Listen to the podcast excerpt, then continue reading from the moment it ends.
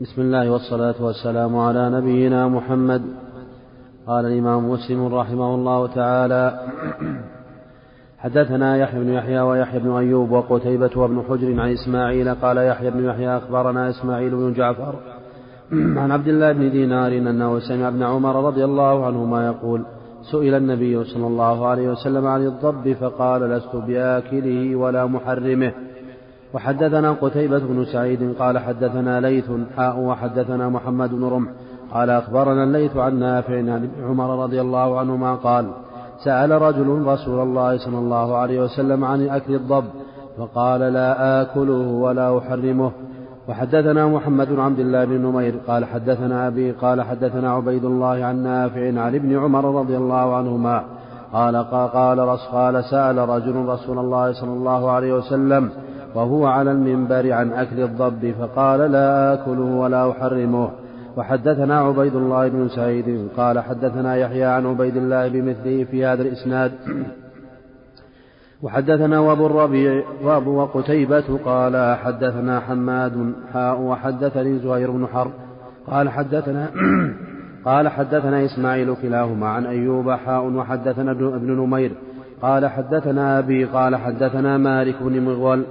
حاء وحدثني هارون بن عبد الله قال أخبرنا محمد بن بكر قال أخبرنا ابن جريج حاء وحدثنا هارون بن عبد الله قال حدثنا شجاع بن وليد قال سمعت موسى بن عقبة حاء وحدثنا هارون بن سعيد الأيلي قال حدثنا ابن وهب قال أخبرني أسامة كلهم عن نافع عن ابن عمر رضي الله عنهما عن النبي صلى الله عليه وسلم في الضب بمعنى حديث الليث عن نافع غير أن حديث أيوب أتي رسول الله صلى الله عليه وسلم بضب أتي رسول الله صلى الله عليه وسلم بضب فلم يأكله فلم يأكله ولم يحرمه. وفي حديث أسامة قال قام رجل في المسجد ورسول الله صلى الله عليه وسلم على المنبر. وحدثنا عبيد الله بن معاذ قال حدثنا أبي قال حدثنا شعبة عن توبة العنبري. سمع الشعبي سمع ابن عمر رضي الله عنهما أن النبي صلى الله عليه وسلم كان معه ناس من أصحابه فيهم سعد وأتوا وأتوا بلحم ضب فنادت امرأة من نساء النبي صلى الله عليه وسلم إنه لحم ضب فقال رسول الله صلى الله عليه وسلم كلوا فإنه حلال ولكنه ليس من طعامي وحدثنا محمد المثنى قال حدثنا محمد بن جعفر وعلى آله وصحبه أجمعين أما بعد. فهذه الحديث فيها دليل على حل الضب. قد صرح النبي صلى الله عليه وسلم بأنه قال كلوا فإنه حلال. وهذا أمر. باب الاباحه قال كلوا فإنه حلال. وهو قول ليس من طعام ليس من طعام الذي آكله. واعتدت أكله. في الأحاديث الأخرى الحديث السابقة قال لا آكله ولا احرمه لا اكله لأني ليس من لم أعتد أكله. ولا أحرمه. فيكون والذي لا يحرمه يكون حلالا. لأن الرسول بعث محللا ومحرما فإذا كان لا يحرمه فهو حلال. وقد صرح في هذا الحديث بأنه قال كلوا فإنه حلال. وسيأتي في اللفظ الآخر أن النبي قال فإني أعاف يعني فيعجبني أعاف يعني أكره تقدرا. ليس بأرض قومي فأجد إنه ليس بأرض قومي فأجد عافا وهذا الضب الذي أتي به النبي صلى الله عليه وسلم أتي به من أرض نجد من هنا. فليس في أرض الحجاز ولهذا فإن النبي صلى الله عليه وسلم لا يأكله. معتاد أكله. فأكله خالد بن الوليد كما سيأتي رضي الله عنه والنبي ينظر. كما سيأتي قال ابن عباس أكل الضب على مائدة النبي صلى الله عليه وسلم ولو كان حراما لما أكل على مائدة النبي صلى الله عليه وسلم. فإذا حل حل الضب وجوه متعددة منها أن النبي صلى الله عليه وسلم قال لا أحرمه والذي لا يحرمه حلال ليس بين الحلال والحرام والرسول بعث محللا ومحرما فإذا كان لا يحرمه فهو يحله. ثانيا أنه صرح وقال إنه حلال. ثالثا أن النبي صلى الله عليه وسلم قر خالد على أكله. نعم. وهو قول الجماهير وأما من كره من الأحناف الضب فلا وجه لهذه الكراهة نعم. وحدثنا محمد المثنى قال حدثنا محمد بن جعفر قال حدثنا شعبة عن توبة العنبري قال قال لي الشعبي أرأيت حديث الحسن عن النبي صلى الله عليه وسلم؟ اللهم صل وقعدت ابن عمر قريبا من سنتين أو سنة ونصف. فلم أسمعه روى روى عن النبي صلى الله عليه وسلم غير هذا. قال كان ناس من أصحاب النبي صلى الله عليه وسلم فيهم سعد بمثل حديث معاذ.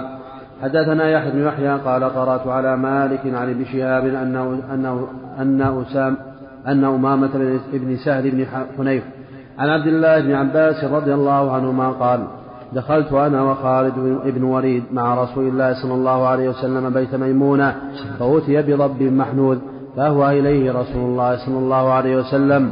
فقال بعض النسوة اللاتي في بيت ميمونة أخبروا رسول الله صلى الله عليه وسلم بما يريد أن يأكل. فرفع رسول الله صلى الله عليه وسلم يده فقلت أحرام هو يا رسول الله؟ قال لا ولكنه لم يكن بأرض قومه فأجد فأجدني أعافه. قال خالد فاجتررته فأكلته ورسول الله صلى الله عليه وسلم ينظر. المحنوذ يعني المشوي. المشوي وقيل المشوي على على الحجارة المحماة. والمشوي يكون ألد من المطبوخ. وفيه أن النبي صلى الله عليه وسلم لما حرمه قال لا نفى حرمته فدل على أنه حرام. ثم أيضا أقر النبي صلى الله عليه وسلم خالد على أكله. والنبي صلى الله عليه وسلم لا يقر على باطل دل على أنه حلال. نعم. وحدثني أبو الطاهر وحرملة جميعا عن ابن وهب قال حرملة أخبرنا ابن وهب قال أخبرني يونس عن ابن شهاب عن أبي أمامة بن سهل بن حنيف الأنصاري أن عبد الله بن عباس رضي الله عنهما أخبره أن خالد بن وليد الذي يقال له سيف الله أخبره أنه دخل مع رسول الله صلى الله عليه وسلم على ميمونة زوج النبي صلى الله عليه وسلم وهي خالته وخالة ابن عباس فوجد عندها ضبا محنوذا قدمت به أختها حفيدة بنت الحارث. قدمت بها أختها حفيدة بنت الحارث من نجد.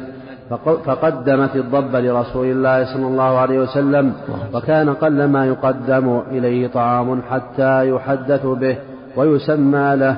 فأهوى رسول الله صلى الله عليه وسلم يده إلى الضب. فقالت امرأة من النسوة الحضور أخبرنا رسول الله صلى الله عليه وسلم بما قدمتم له بما قدمتم له. قلنا هو الضب يا رسول الله. فرفع رسول الله صلى الله عليه وسلم يده. قال خالد بن وليد أحرام الضب يا رسول الله؟ قال لا ولكنه لم يكن بأرض قومه فأجدني أعافه. قال خالد فاشتررته فأكلته ورسول الله صلى الله عليه وسلم ينظر فلم ينهني. وحدثني أبو بكر بن النضر وعبد بن حميد قال عبد أخبرنا أخبرني وقال أبو بكر حدثنا. وقال أبو بكر حدثنا يعقوب بن إبراهيم بن سعد يعقوب بن إبراهيم بن سعد قال حدثنا أبي عن صالح بن كيسان عن ابن شهاب عن أبي أمامة بن سعد عن ابن عباس رضي الله عنهما أنه أخبره أن خالد بن وليد رضي الله عنه أخبره أنه دخل مع رسول الله صلى الله عليه وسلم على ميمونة بنت الحارث وهي خالته فقدم إلى رسول الله صلى الله عليه وسلم فقدم إلى رسول الله صلى الله عليه وسلم لحم ضب.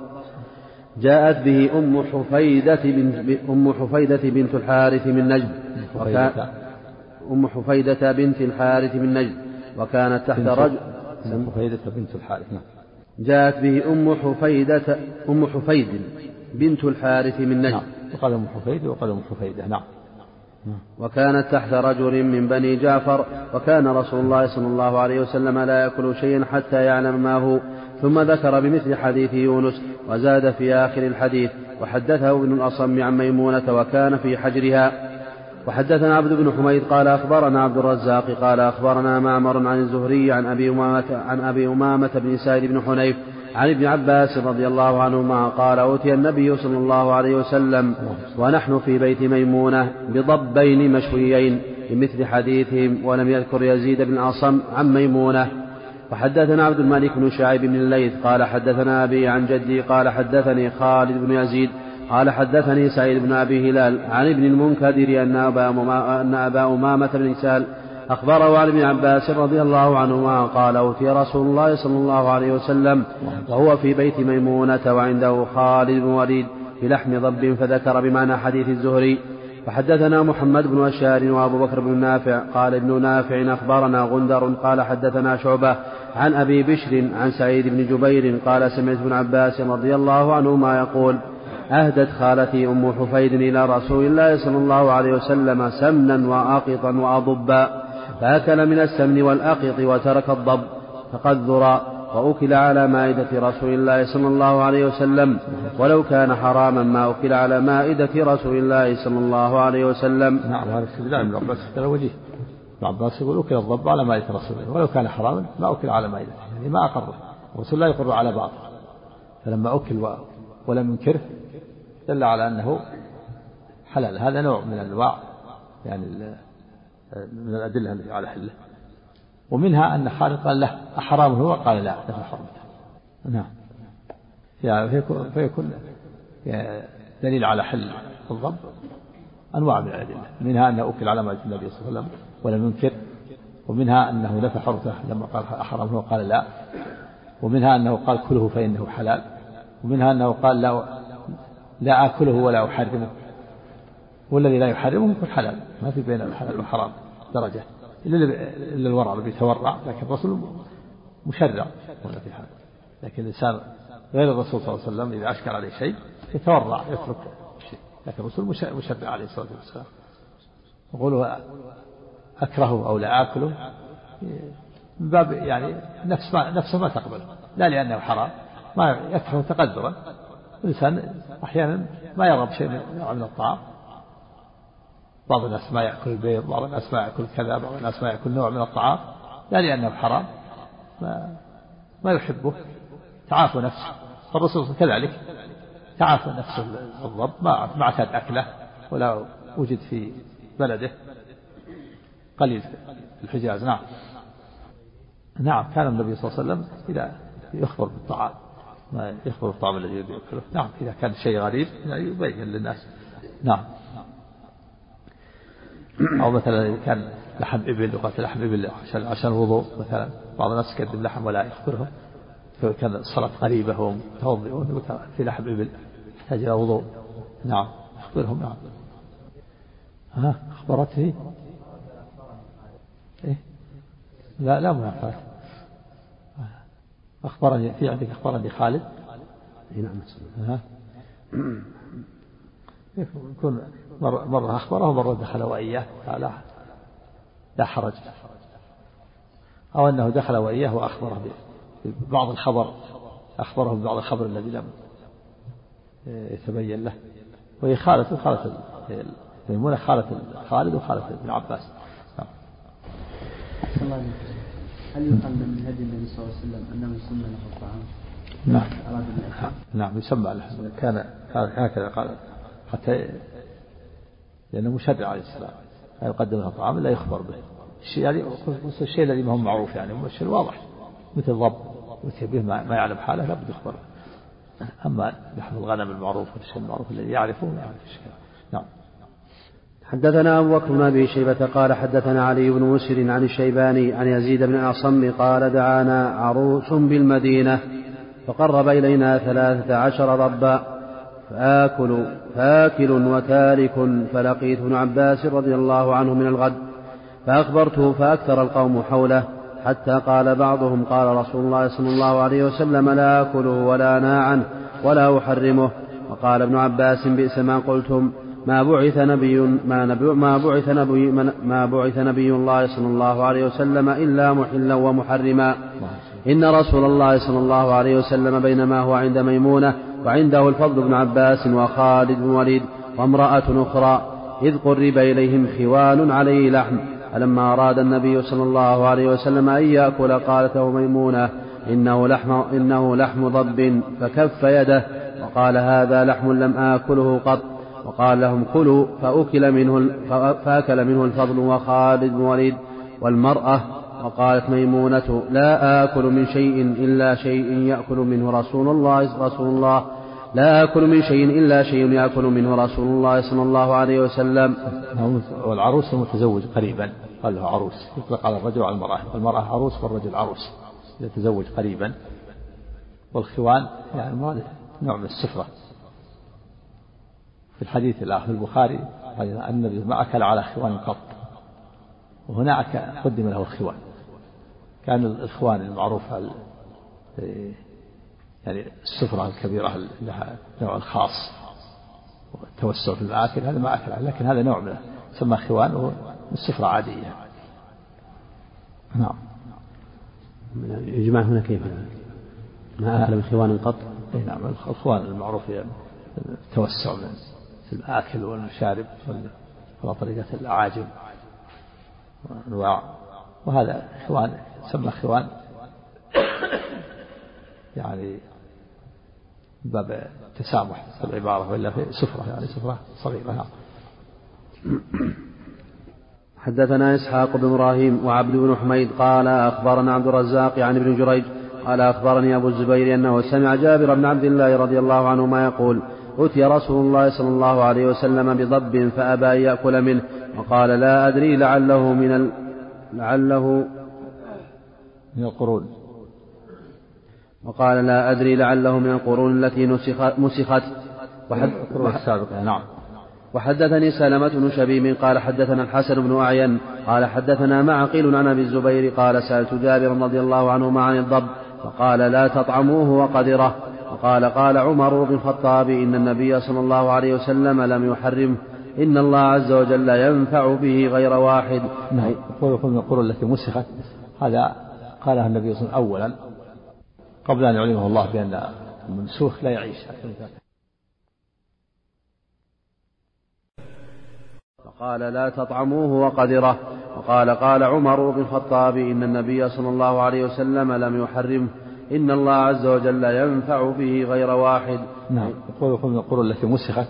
هذا قالها النبي صلى الله عليه وسلم أولا قبل أن يعلمه الله بأن الممسوخ لا يعيش أكثر من ثلاثة أيام ولا ينسل قبل أن يعلمه الله بحل الضب.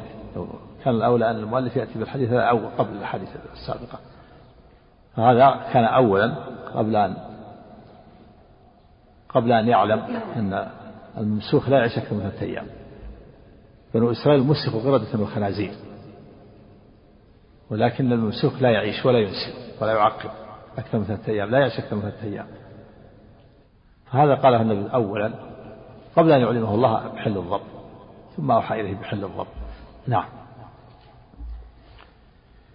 وحدثني محمد بن مثنى قال حدثني قال عمر إن الله ينفع به ينفع به رعاة الإبل والغنم. طعام يكون طعام يرعون في البرية يصيدون الأضب ويأكلونها. نعم. وحدثني محمد مثنى قال حدثنا ابن أبي عدي عن داود عن أبي نضرة عن أبي سعيد رضي الله عنه قال قال رجل يا رسول الله إنا بأرض إنا بأرض مضبة فما تأمرنا أو فما تفتينا؟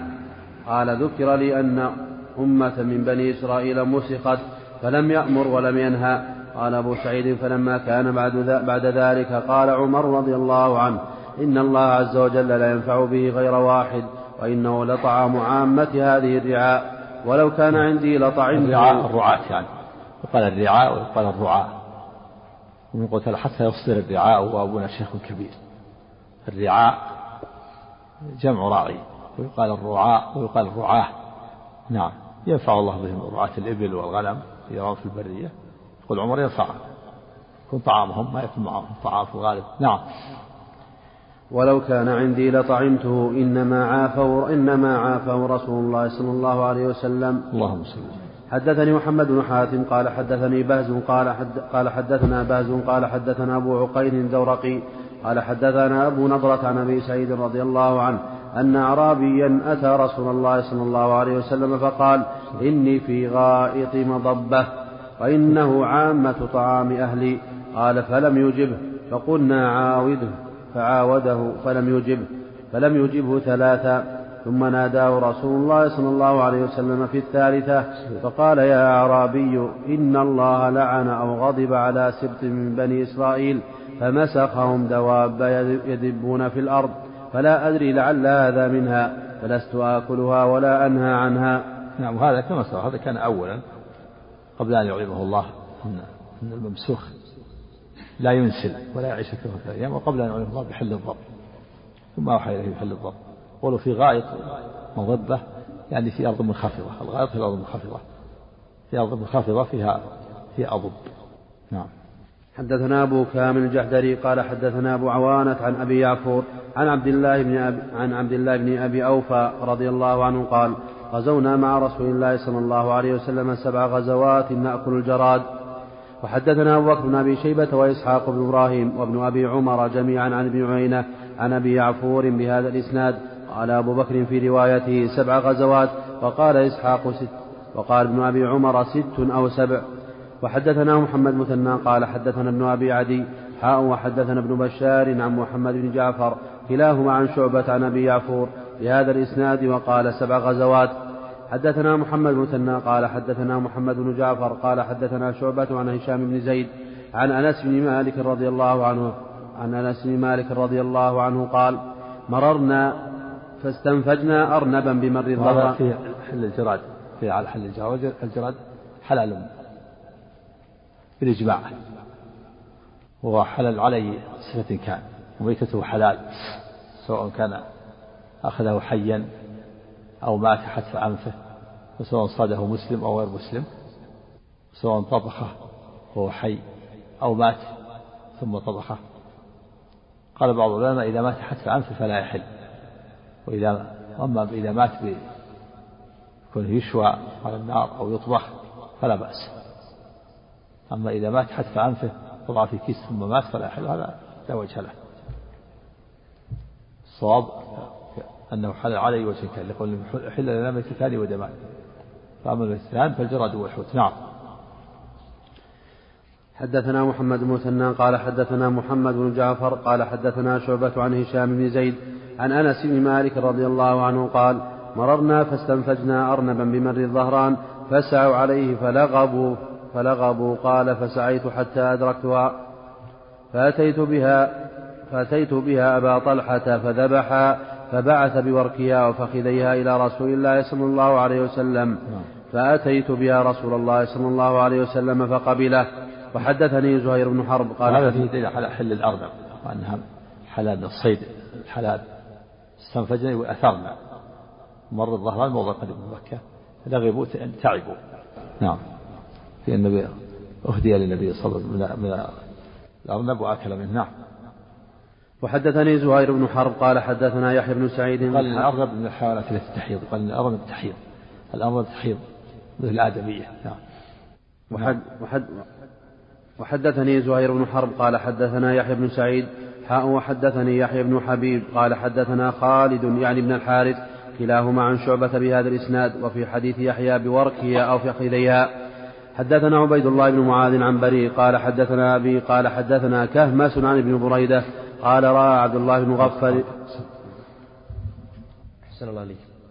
حدثنا عبيد الله بن معاذ العنبري قال حدثنا أبي قال حدثنا كهمس عن ابن بريدة قال رأى عبد الله بن المغفل رضي الله عنه رجلا من أصحابه يخذف فقال له لا تخذف فإن رسول الله صلى الله عليه وسلم كان يكره أو قال ينهى عن الخذف فإنه لا يصطاد به الصيد ولا ينكأ به العدو ولكنه يكسر السن ويفقأ العين ثم رآه بعد ذلك يخذف فقال له أخبرك أن رسول الله صلى الله عليه وسلم كان يكره أو ينهى عن الخذف ثم أراك تخذف لا أكلمك كلمة كذا وكذا.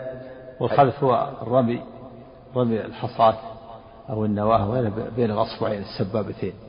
هكذا يرميها. أو بين السبابة والإبهام يرميها. يأخذ حصاة صغيرة أو نواة ثم يرميها بالأصبعين السبابة. السبابة اليمنى السبابة اليسرى. كذا. أو بالأصبع السبابة والإبهام. هذا هو الخلف.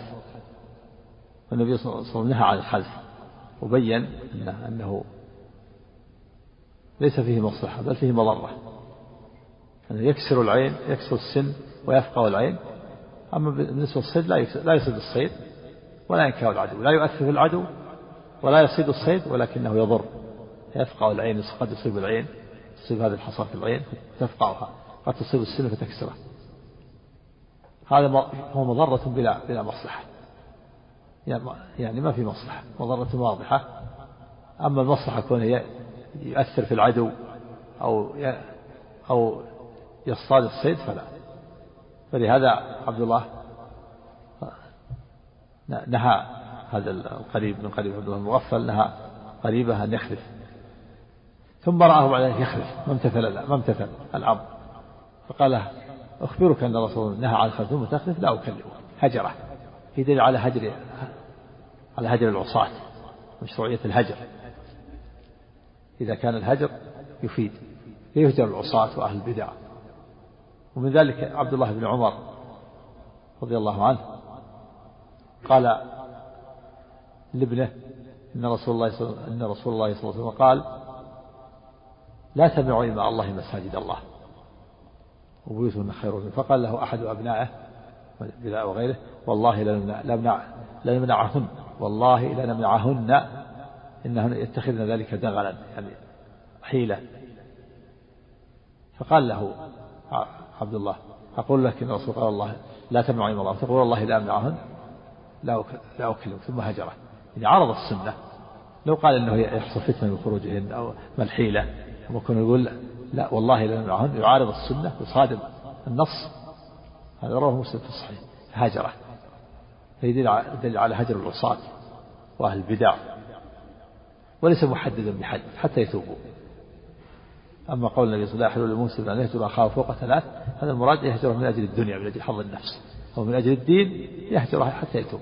ولهذا هجر النبي صلى الله عليه وسلم كعب بن مالك لما اتخذوا عزوة تبوك وصاحباه. هلال بن أمية ومرات بن الربيع هجره النبي صلى الله عليه وسلم والمسلمون خمسين ليلة. خمسين ليلة هجره حتى أنزل الله توبته.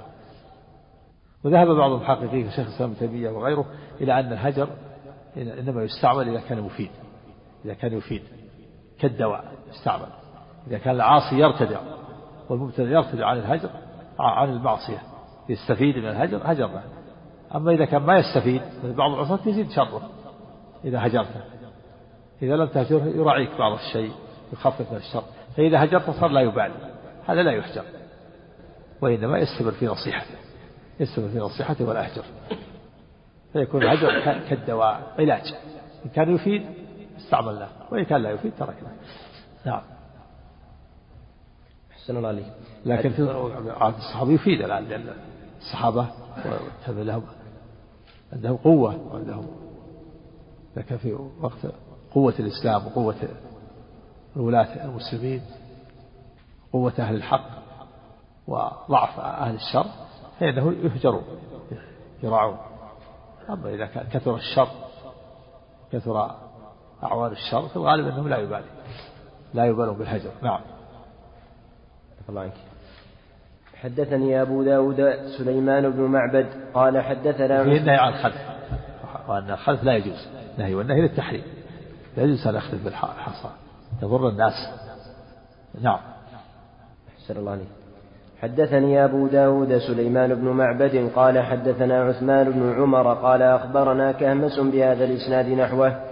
وحدثنا محمد بن المثنى قال حدثنا محمد بن جعفر وعبد الرحمن بن مهدي قال حدثنا شعبة عن قتادة عن عقبة بن صهبان عن عبد الله بن مغفل رضي الله عنه قال نهى رسول الله صلى الله عليه وسلم عن الخد.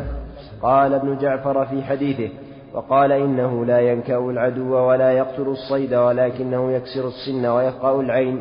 وقال ابن مهدي إنها لا تنكأ العدو ولم يذكر تفقأ العين.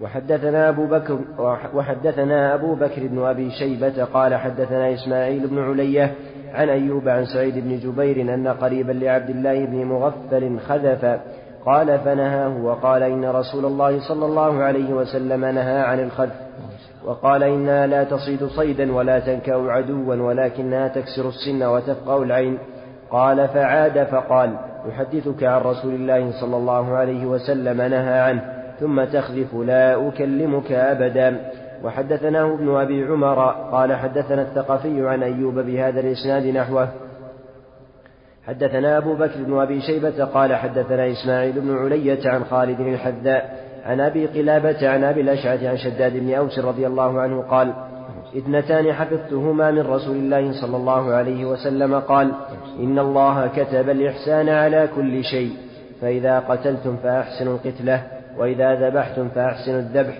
وليحد أحدكم شفرته فليرح ذبيحته. نعم إن الله كتب الإحسان في إثبات الكتابة لله. من الصفات الفعلية كما يقول جل وعلا كقوله في الحديث الآخر كتب الله مقادير الخلائق قبل أن يخلق السماوات والأرض خمسين ألف سنة. قول إن الله كتب في كتاب فهو عنده فوق العرش إن رحمتي سبقت غضبي في إثبات الكتابة كما يقول جل وعلا يقول كتب الإحسان الإحسان ضد الإساءة على كل شيء كل شيء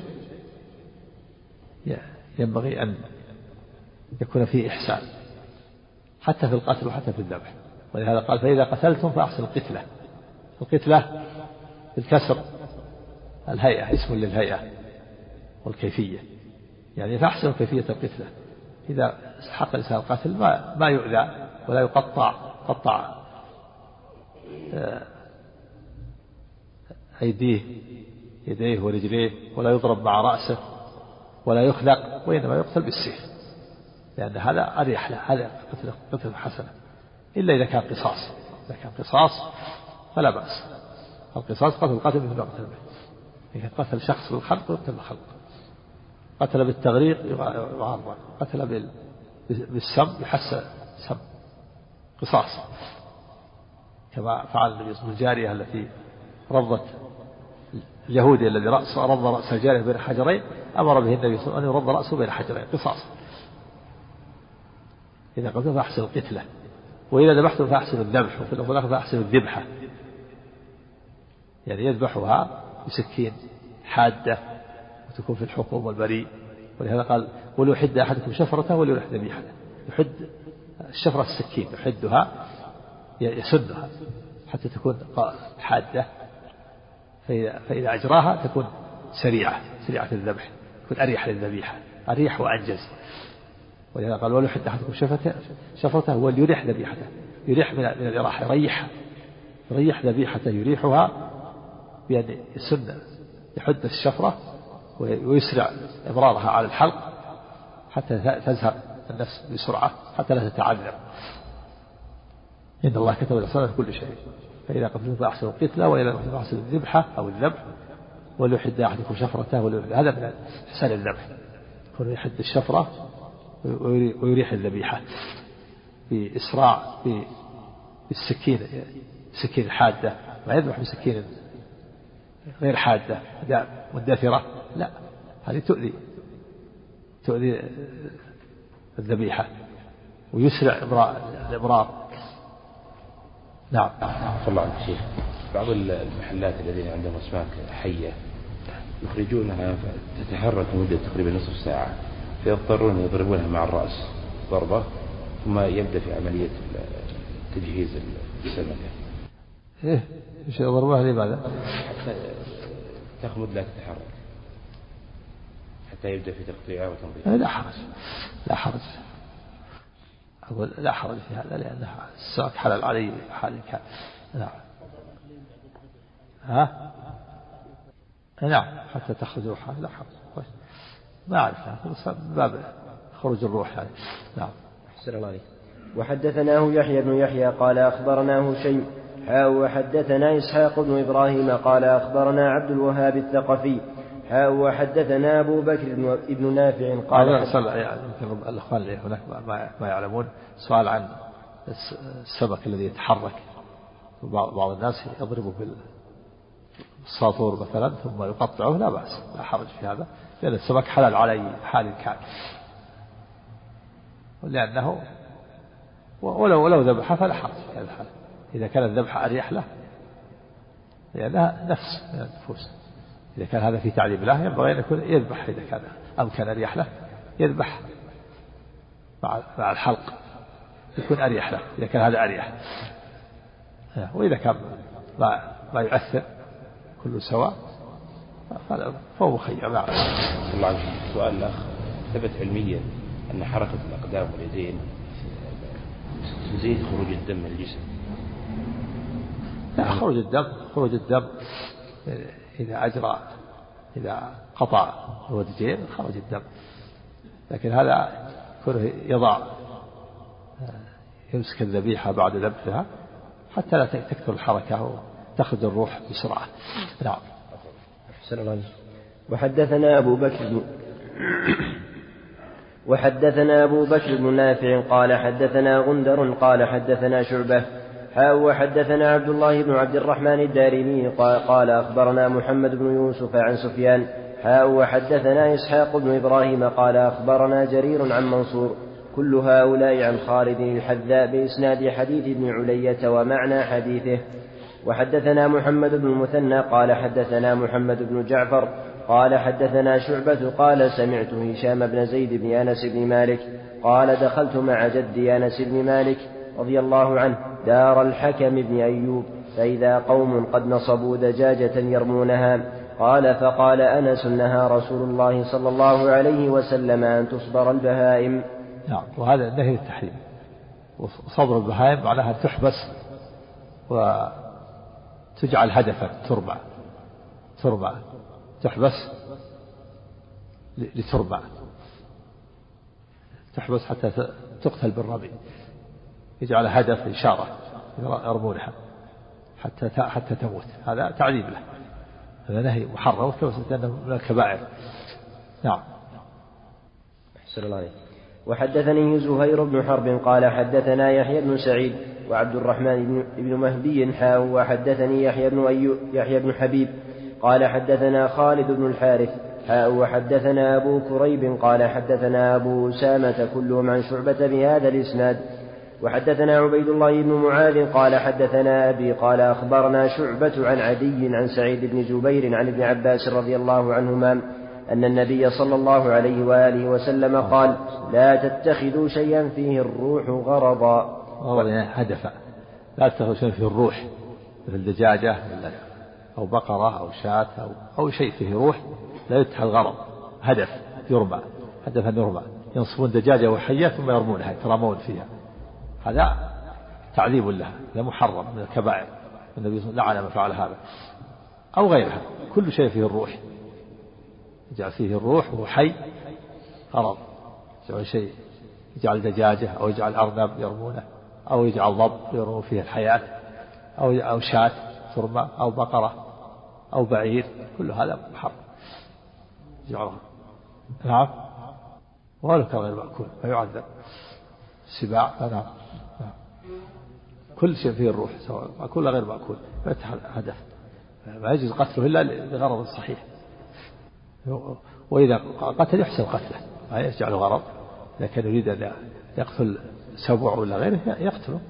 ويجعله غرض يكرمونه يرمى يقيده ويربطه ثم يجعله هدف يرمونه ساعة ساعتين يضربونه هذا إذا له نعم. نعم. أحسن إليك. إذا كان حيا فإنه تعذيب له وإن كان ميتا فإنه إضاعة إضاعة لماليته. نعم الميت هو النهي ما هو في الحي. أما الميت في الغالب أنه ما يضاع. في الغالب أنه ما يضعونه لكن لو وضعوه نعم فيه تقطيع له تقطيع له يرجع الهدف على قطعه وضيع ماليته. نعم. نعم مسألة ثانية. نعم. أحسن عليك. وحدثناه محمد بن بشار قال حدثنا محمد بن جعفر وعبد الرحمن بن مهدي عن شعبة بهذا الإسناد مثله. وحدثنا شيبان بن فروخ وحدثنا شيبان بن فروخ وأبو كامل واللفظ لأبي كامل. قال حدثنا أبو عوانة عن أبي بشر عن سعيد بن جبير. قال مر ابن عمر رضي الله عنه بنفر قد نصبوا دجاجة يترامونها فلما رأوا ابن عمر تفرقوا عنها فقال ابن عمر من فعل هذا إن رسول الله صلى الله عليه وسلم لعن من فعل هذا. وهذا عنه من الكبائر. نصب الدجاج صبر البهائم من الكبائر. لأنه لعن من فعل ذلك. واللعن لا يكون لعنة كبيرة من كبائر الذنوب. الكبيرة هي ما توعد عليه بالنار أو اللعنة أو الغضب. أو وجب حد في الدنيا. دل على أن يكون إنسان ينصب طير أو فيه الروح ويترمونه من الكبائر. محرمات كبيرة لما فيه من تعليم الحيوان. نعم. نعم لهذا روى الحديث قال لعن الله لعن الله من فعل هذا الرسول لعن من فعل هذا. نعم. وحدثني زهير بن حرب قال حدثنا هشيم قال أخبرنا أبو بشر عن سعيد بن جبير قال مر ابن عمر رضي الله عنهما بفتيان من قريش قد نصبوا طيرا وهم يرمونه وقد جعلوا لصاحب الطير كل خاطئة من نبلهم. فلما رأوا ابن عمر تفرقوا فقال ابن عمر من فعل هذا؟ لعن الله من فعل هذا. إن رسول الله صلى الله عليه وآله وسلم لعن من اتخذ شيئا فيه الروح غرضا. يعني هدفا هدفا يربع نعم الله عنك. وحدثنا محمد بن حاتم قال حدثنا يحيى بن سعيد عن ابن جريج. حاء وحدثنا عبد بن حميد. قال أخبرنا محمد بن بكر. قال أخبرنا ابن جريج. حاء وحدثنا هارون بن عبد الله. قال حدثنا حجاج بن محمد. قال قال ابن جريج أخبرني أبو الزبير أنه سمع جابر بن عبد الله رضي الله عنهما يقول نهى رسول الله صلى الله عليه وسلم أن يقتل شيء من الدواب صبرا نعم. صبرا يعني حبس يحبس يربط ويصبر. الصبر هو المحبوس. قال فلو قتل صبرا يعني حبس أو ربط وقتل بدون بدون أن يستطيع أن يدافع عن نفسه. أخذ بالقوة وربط وقتل. هذا قال قتل صبرا. نعم.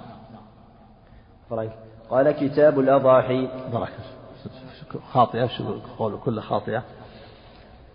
قال عفوا عنك. هو بهمز خاطئة أي ما لم يصب المرمى وقوله خاطئة لغة والأفصح مخطئة. يقال لمن قصد شيئا فأصاب غيره غلطا أخطأ فهو مخطئ. وفي لغة وفي لغة قليلة خطأ فهو خاطئ. وهذا الحديث جاء على اللغة الثانية حكاها أبو عبيد والجوهري وغيرهما والله أعلم. كل خاطئة ما لم يصب المرمى نعم ما لم ها؟ جعل لصاحب الطيب كل خاطئة هي من كيف ما لم يصب المرمى خاطئة كل ما يصب المرمى قال ما لم يصب المرمى نعم. يعني يصيب. هذا يصيب. المرمى له كذا وكذا. نعم. صب. بعضهم يستعمل الماء الشيخ يصبه في جحر الضب لكي يخرج. قد يموت. يموت؟ إذا كان يموت ما ينبغي. ما ينبغي. نعم. قتله بدون غرض الصحيح نعم. وإذا كان يخرجه لا بأس. نعم. الله ما ذكر ان الضب يعيش قرون نعم يقال هذا والله أعلم. يقال أن الضب يعيش 800 عام. الله أعلم. هذا ينظر في كتب الحيوانات ولتأتي كتب الحيوانات. نعم.